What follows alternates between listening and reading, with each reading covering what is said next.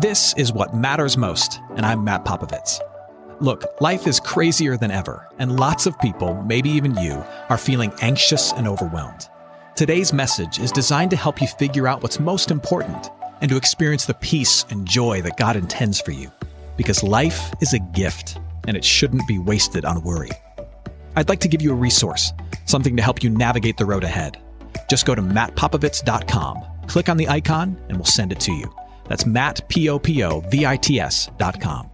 And hey, if you happen to live in the Houston area, I'd love to see you on a Sunday morning at St. Mark in Spring Branch. Head to stmarkhouston.org to plan your visit.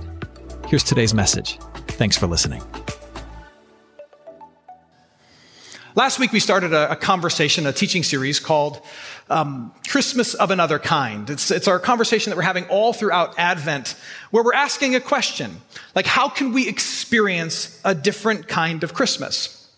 Rather than just go through the motions that we always go through this time of year, what if we used Advent for the reason it was given to us, which is to prepare for this season, to focus on the story, the history of what happened in this moment, and then reflect on how that might shape and influence our celebration of this season so that it might be a different kind of Christmas, a more meaningful Christmas, a more substantive Christmas. Uh, perhaps if you're here as a follower of Jesus, a more, a more faithful celebration that, that more closely reflects what it is that's been given to us in Christmas.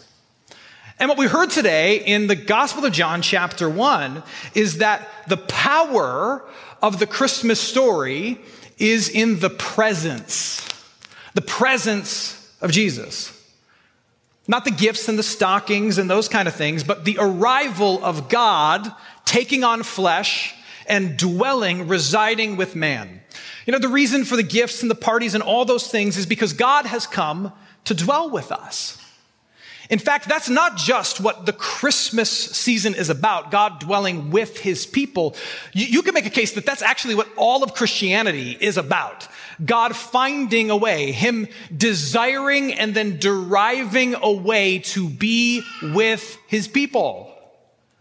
Uh, look again at these words from Revelation 22, just verses 5 and 6. If you really let this kind of sink in, th- this will just make your jaw drop. If, if this is true, and we believe it is, if this prophetic, poetic promise of the picture is true, then it is jaw dropping in its implications and its beauty. Listen to this night will be no more, no more darkness. There will be no light of lamp or sun, for the Lord God will be their light, and they will reign forever and ever. And he said to me, These words are trustworthy and true. If you're familiar with the Christian story, you know how it starts. It starts in a garden where God is with his people. And then a whole bunch of bad stuff happens. And then Jesus shows up, and it's God in flesh, and God is again what? He's with his people. And then we fast forward to the promise ending, and what do you have? It's not, it's not a garden, but it's now a city, a recreated reality where God is with his people, but he's with us in such a profound and beautiful way that there's no need for the sun in the sky because the brightness and the beauty and the glory of God is so present. There's not an ounce of darkness at all. The whole thing, not just Christmas, but the whole story is about God's desire to be present with us. And what I want to do today is, is, is, just quickly look at some things in the Christmas story about God being present with us in Christ. Reflect on a couple things and then wrestle with how they might change our celebration of the season. So, so, as I reflect on this notion of God coming to dwell with man, taking on flesh, that the first thing that hits me is this, is that the presence of Jesus was surprising, if not scandalous.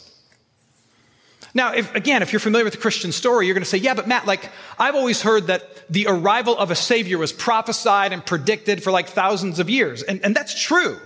For example, the prophet Isaiah, 700 years, history tells us, 700 years before Jesus is born in Bethlehem, he, he talks about a son being born unto us, and he shall be called Mighty God. They should have seen this coming, and certainly they did see the arrival of a Messiah, a Savior, a King coming, and they were anticipating that. But here's the difference the incarnation, the reality of God taking on flesh and showing up and dwelling with us, that notion caught everybody by surprise. And, and it blew everyone away. And by the way, that's ultimately what got Jesus killed.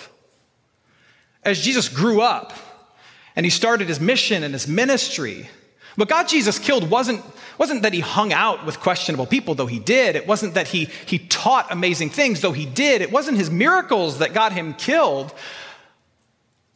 It was the fact that he walked around saying things like, I and the Father are one. No one comes to the Father except through me. Before Abraham was, I am. That's what got Jesus killed. That's what did it. The notion that he was not just a prophet or a good man or a great teacher, but that he was God himself, one with the Father. That's, that's what got him killed. That did it. And it's worth pointing out the uniqueness of the Christian message in this regard. That there is no other religion that, that posits that God himself has shown up, that God has taken on flesh and dwelt with us. In, in every other religion, God sends somebody else. If you look at Islam, if you look at Buddhism, if you look at ancient Judaism, if you look at Mormonism, if you look at Scientology and Tom Cruise, they all say the same thing. There is a God, and God has spoken, and God has shown up in some way, shape, or form, but He Himself has not arrived. He sent a teacher, He sent a prophet, He's buried some plates in the ground. It's always come through someone else that God has sent, an angel, somebody. But God Himself has never shown up, certainly not in taking on flesh. That's unique to the Christian message. And remember, in the ancient world, especially for ancient Jews, uh, the, the body, the flesh was seen as this profane thing that, that was constantly being corrupted by the realities of everyday life. They were, they were worried so much about being made unclean by this, that, or the other thing. And so then here's God in the birth of Jesus Christ. Here's God, the most divine, the most holy. And, and, and what are we learning? That he's conceived in a womb. He's born of a woman. He's living. He's walking. He's breathing. God is walking around going, He's sweating, he's chewing, he's, he's doing all the things. And, and to the first century person, they're thinking, as this story is emerging, this is not how it's supposed to work. This is not how it's supposed to work. The divine doesn't mix and mingle with the profane. The divine doesn't take on flesh and hang out as a human. That'd be like seeing LeBron James wear Crocs on the court or watching Jeff Bezos try and fly Spirit to outer space, right? Some things just don't fit. They don't belong. They just aren't right. The divine doesn't mix and mingle with the human. Yet, what do we have at Christmas in the incarnation of Jesus Christ? We have the maker of the cosmos being held by Mary, and she is counting his fingers and toes. How else do you describe that other than surprising, if not scandalous? The presence of God with us, surprising, to say the very least. Uh, the other thing that comes to mind is that this presence of God, though, though of course surprising, if not scandalous, the, the way in which God lives out his presence among us is so intimate. That's the best word I can think of. It's so intimate. It's one thing for God to take on flesh and join us here. But Jesus, as he grows, he maintains zero space between himself and the fullness of the human experience. He, he, he, doesn't just take on flesh and live here at a distance. No, he becomes friends with the people that we would call canceled. He, he confronts the corrupt. He feeds hungry stomachs. He, he saw the sins and the struggles of the worst kinds of people. He saw that and he approached those people and he was like, I like you. I, I want to be friends with you. I forgive you. I love you. And it wasn't a stunt. It was how he lived. In fact, and, and again, this is, this is mind blowing. The, the book of Hebrews says this. Wrap your minds around this. Hebrews chapter 4. In Jesus, we do not have a high priest who is unable to sympathize with our weaknesses, but one who in every respect was tempted as we are, yet without sin. Think about that. Think of all the respects in which you are tempted, all of them. Jesus didn't just join us here in flesh and blood. He befriended all of our struggles without sin for sure, but he walked alongside every temptation known to mankind. Think of all of them. You've done some terrible things. You've been tempted towards awful things. Me too. Think of the push and the pull and the wrestle and the struggle. Jesus got himself right next to all of those things. But not only that, again, it goes deeper. He attached himself to our implications. You see, he was without sin. We are not without sin. We've given into the temptation. We've done the horrible thing. We are collectively culpable as humanity for all the evils and injustices of this world. And so Jesus put himself underneath the punishments that we deserve for all of our failures. Not only is he like, I'm going to share in your flesh, I'm going to share in your life, I'm going to share in your food and share in your air, I'm going to share in your temptations, I'm going to share in your struggles, but he said, I'm going to die one of your deaths. I'm going to be buried in one of your graves. I'm going to rise out of it, but I'm still going to die. I'm still going to go through all of it. He unites himself to every part of the human experience. That's not just him taking on flesh and getting close. That, that's, that is intimate in its love. There's no other way to put it. So, Jesus Christ taken on flesh, it is surprising and scandalous, it is intimate. But it wasn't just for show, like it actually accomplished something. It was effectual, it was impactful and powerful. But why do you think we've been celebrating it for two millennia, which is a really long time? Why have we been throwing parties and wearing sweaters and baking cookies and coming to church like this. Why? It's because in taking on flesh in this surprising and intimate way, Jesus Christ actually accomplished something that benefits you.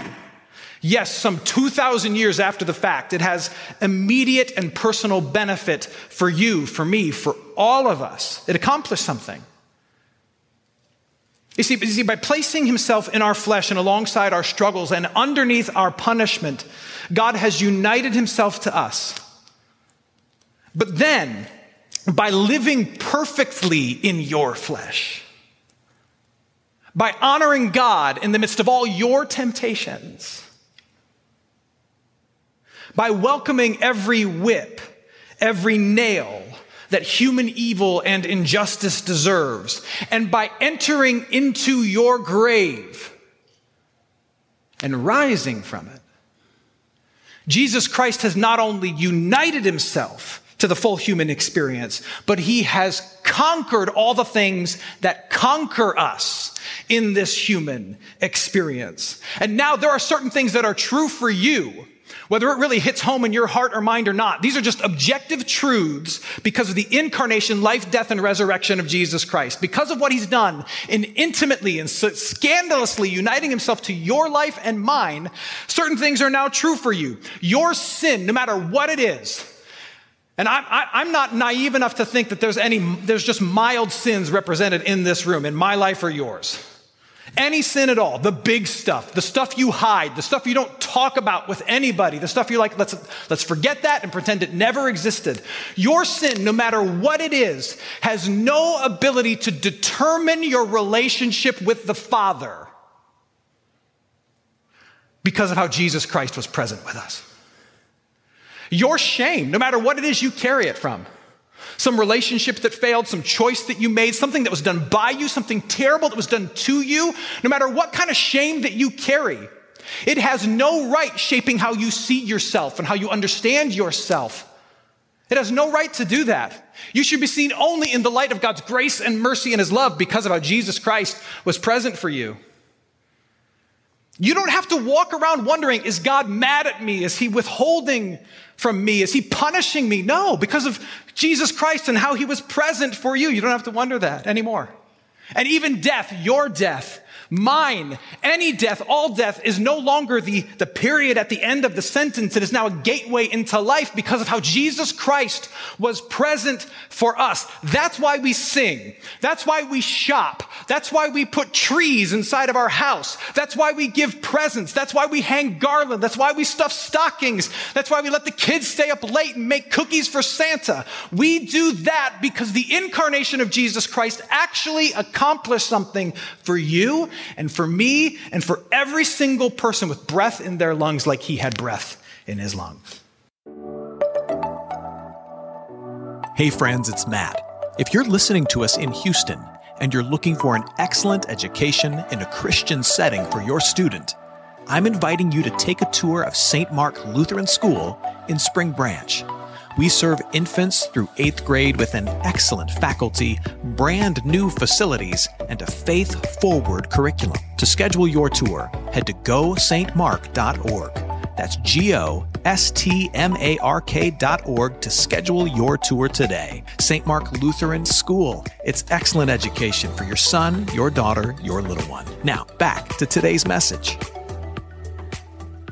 Now, now, all of this brings me back to this question of a Christmas of another kind. If Jesus Christ is present in this scandalous and intimate and effectual, impactful way, then how might that shape my celebration so it's a better, truer reflection of that truth?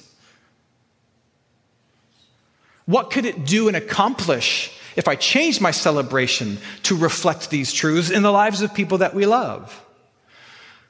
How could the truth that God has taken on flesh and dwelt with us in this way change my celebration?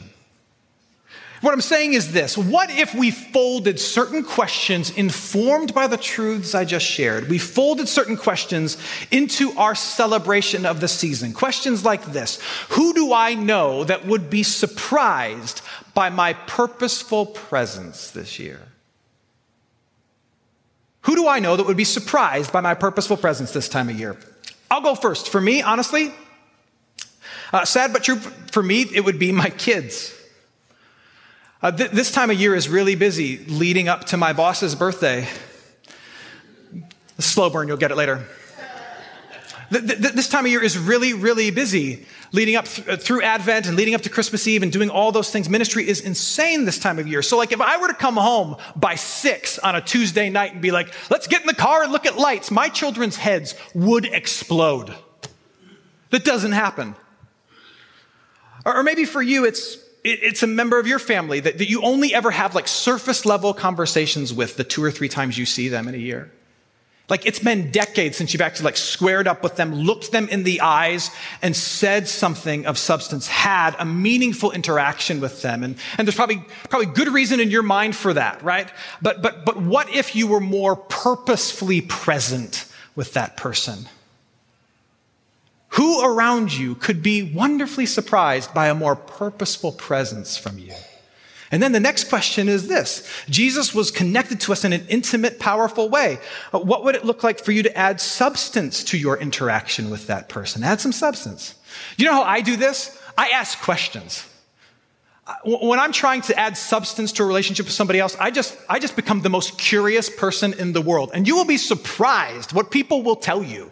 If you just keep asking questions, oh, really? Why isn't you, you haven't talked to your mom in like two months? Let's go there. Let's talk about it. People will share. And all of a sudden, this relationship's at another level. Now, it needs to be reciprocated. You should probably share too. Or what if you, what if you just decided that as you went through the busyness of this season, in order to add substance to this relationship with this other person with whom you're trying to be more purposefully, kind of delightfully, surprisingly present with, you just invited them along as you ran the errand. You invited them along as you did the project. Things can go deeper when things are done together. Or, or what if you added prayer into the back and forth with you and this other person? Now, I know what you're thinking. Oh man, Matt, that, that takes it from zero to awkward real quick. I know it does, but it also adds incredible depth, and you'll be surprised at how people tend to respond to this. And I say that not just because I'm a pastor, because most people don't know I'm a pastor. But you'll be surprised when you say, Hey, is there anything I can pray about for you? That people will tell you things. And then you can pray for them, and all of a sudden, whoop, it's deeper. Or you could just flip the script, and as you close out a conversation with somebody, you could say, "Hey, I don't know if you're the praying type, but uh, but if you are, here's a couple things going on for me and, and my family that if you just keep in your thoughts and prayers would mean a lot to me." All of a sudden, it's going deeper. How can you add some substance to the interaction? Third question is this wrestle with this one this year. What need do I notice as I'm purposely present and I'm seeking to add substance? What need do I notice that I can generously address? And this is where presents and gifts and things actually come in and they become really powerful. Uh, maybe your neighbor mentioned that they need somebody to watch the kids, and so you announce out of nowhere via text that you're going to take their children for three hours. It's not an abduction, unless you want us to keep them for longer. But we're going to take your kids for three hours so you can go do whatever it is you've got to do. Or perhaps they mentioned something silly that they enjoy while you were in your substantive conversation with them. And so when you're out and about running your errands, you grab three or five or 10 of those things that they enjoy and you just drop them off at their house. Or they shared some concern with you, some issue that they have in their life while you're talking with them. And rather than just send them the Christmas card you're going to send to everybody else, you do what people used to do in the olden days. And you get out like a blank sheet of paper and you, you write a note on there that has just a simple little prayer about what it is they shared with you. And then you write Merry Christmas and you sign your name and you send that to them. I guarantee you that hits them in a deep place. What need can you notice that you can generously address? How might you better reflect the presence and the incarnation and the work of Christ in your celebration this season? Wrestle with those questions, and I guarantee it happens. And look, here's why, among many other reasons, I think that this is so important. A couple of years ago, people were making such a big deal about trying to keep Christ in Christmas. And while I understand the sentiment, it is not the job of the politician or the girl at the checkout counter to keep Christ in Christmas. It's not their job. The whole world will celebrate Christmas, but, but it's the people of God who understand what this day is, who understand what the presence and incarnation, life, death, and resurrection of Jesus Christ actually means. We're the ones who know this. We're the ones who've received this. We're the ones who have been changed by it. You want to keep Christ in Christmas? Show up more purposefully for someone you'd rather avoid. You want to keep Christ in Christmas? Add substance and depth to relationships that you would otherwise keep at the surface. You want to keep Christ in Christmas? Notice somebody's need, somebody's deep need at a cost to yourself.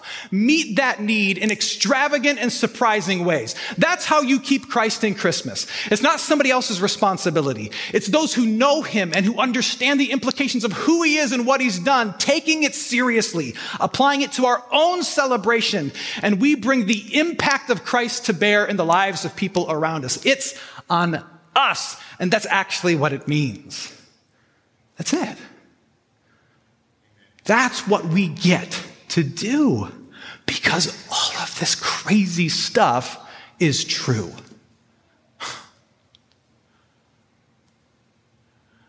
Christmas, the, the whole Christian story is about God desiring and then deriving a way to be ludicrously present with his people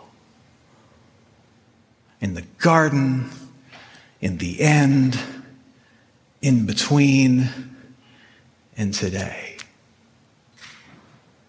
That's what it's about. That's also, if you noticed, what, what all the good Christmas movies are actually about.